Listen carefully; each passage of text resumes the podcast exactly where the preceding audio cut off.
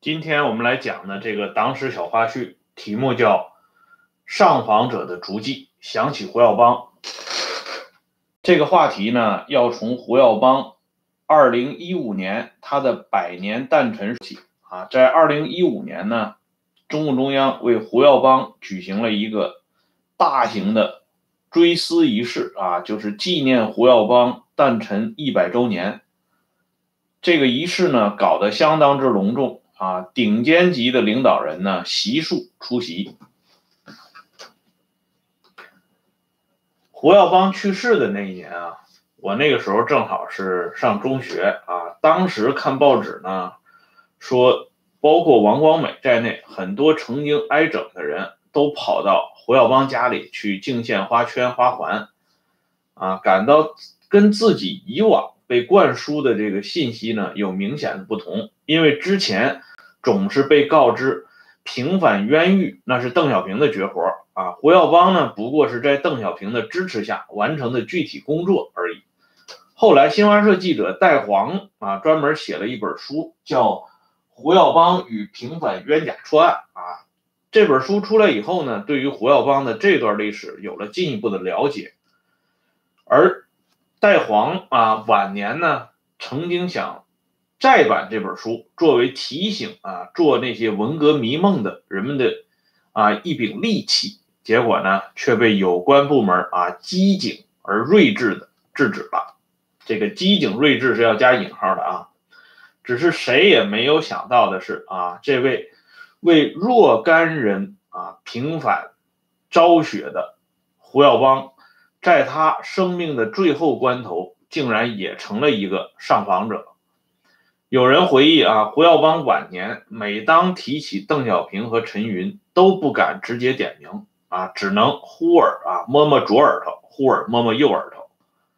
这个为什么摸左耳右耳呢？因为邓和陈这两个名字啊，这两个姓都是耳刀旁啊。邓呢是这个耳刀在右边，陈呢是耳刀在左边啊。所以呢，胡耀邦摸摸左耳，摸摸右耳，以打哑谜的形式表述。自己的那些可怜的看法啊，而这位最高级别的上访者呢，并没有在临终之际等来他想要的结论啊。好在呢，好饭不怕晚啊，在胡耀邦去世二十六年以后，也就是在他的百年诞辰上，他的上访的呼声呢，终于得到了部分的回应，他的家属呢，再一次得到了组织的部分的关怀。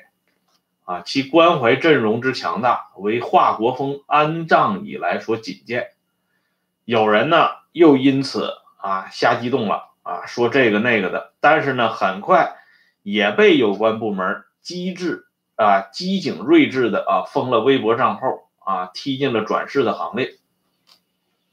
陈丕显、谭启龙啊，这是胡耀邦在红军时期的发小啊，他们在回忆录里呢。都曾经热烈地回忆过他们在苏区同胡耀邦一道成为上访者的灰色啊事迹，并为差点提前成为身份不明的殉道者而感到庆幸。庆幸之余呢，又萌发出对组织的更深一层次的热恋和点赞啊。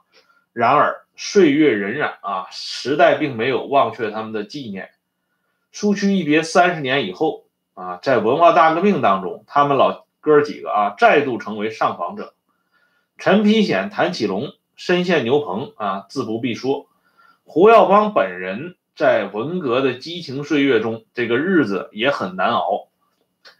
啊，龙潜的女儿啊，贝露英有过一个回忆。这龙潜是谁呢？有两个龙潜啊，一个是这个五五年授衔少将的这个龙潜，还有一个就是我们现在说到的这个四川云阳人啊，龙潜。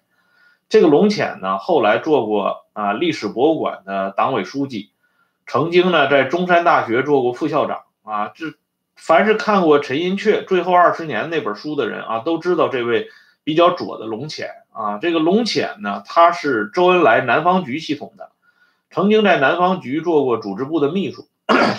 龙潜的第二段婚姻呢，是和这个叫贝海燕的呃这个女人结婚，生了一个女儿呢，叫贝露英。这个贝露英呢，在文革后期啊，他去见过胡耀邦，他在同胡耀邦聊天的时候啊，胡耀邦就用手指头指着天啊，贝卢英就知道啊，胡耀邦的意思是说，别人怎么看他不重要，关键是毛怎怎么看他。他指的那个天，也就是指毛啊。假如把这段情景啊，同他摸了左耳又摸右耳的这个动作联系到一起的话啊，我们可以知道，胡耀邦到死啊都没有放弃自己对这个组织的苦练。而事实上呢，包括胡耀邦本人在内，以及他的身边的这些人，也更看重的是组织对他们的结论与评价啊。至于其他人等。我认为啊，就不应该再自作多情，充当分母了啊！所谓吹皱一池春水，啊，干清底事。二零一五年的这个胡耀邦的百年诞辰呢，有一个事情很有意思，那就是另一个人啊，也迎来了他的百年百年诞辰，就是大家都知道的啊，号称左王的邓丽群啊。这个胡耀邦和邓丽群的生日呢，正好是差一周。胡耀邦是十一月二十号的生日。邓丽群呢是十一月二十七号的生日啊，两个人一先一后交相辉映，引发左右两派粉丝啊再度拌嘴。其实呢，两相对比啊，胡耀邦和邓丽群都是这个组织的铁粉啊，而且是那种非常纯粹的啊，纯之又纯的那种粉。他们忠于组织的决心和程度啊，远要比某些秀外慧中的大佬们来的实诚啊。吴江呢回忆说啊，邓丽群啊。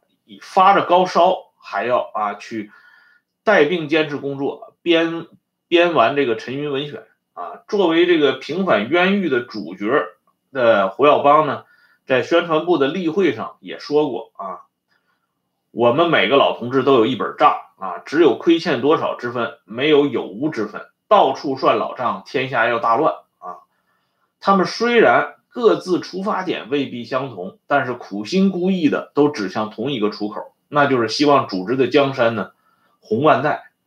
所以呢，今天啊，这些掰扯什么左啊右啊这些概念的这个网友们，真的是可以歇一歇了啊。组织的江山呢，真心讲，跟咱们老百姓实质上没啥关系啊。所谓厉害了我的国啊，那是人家的国，不是咱们的国啊。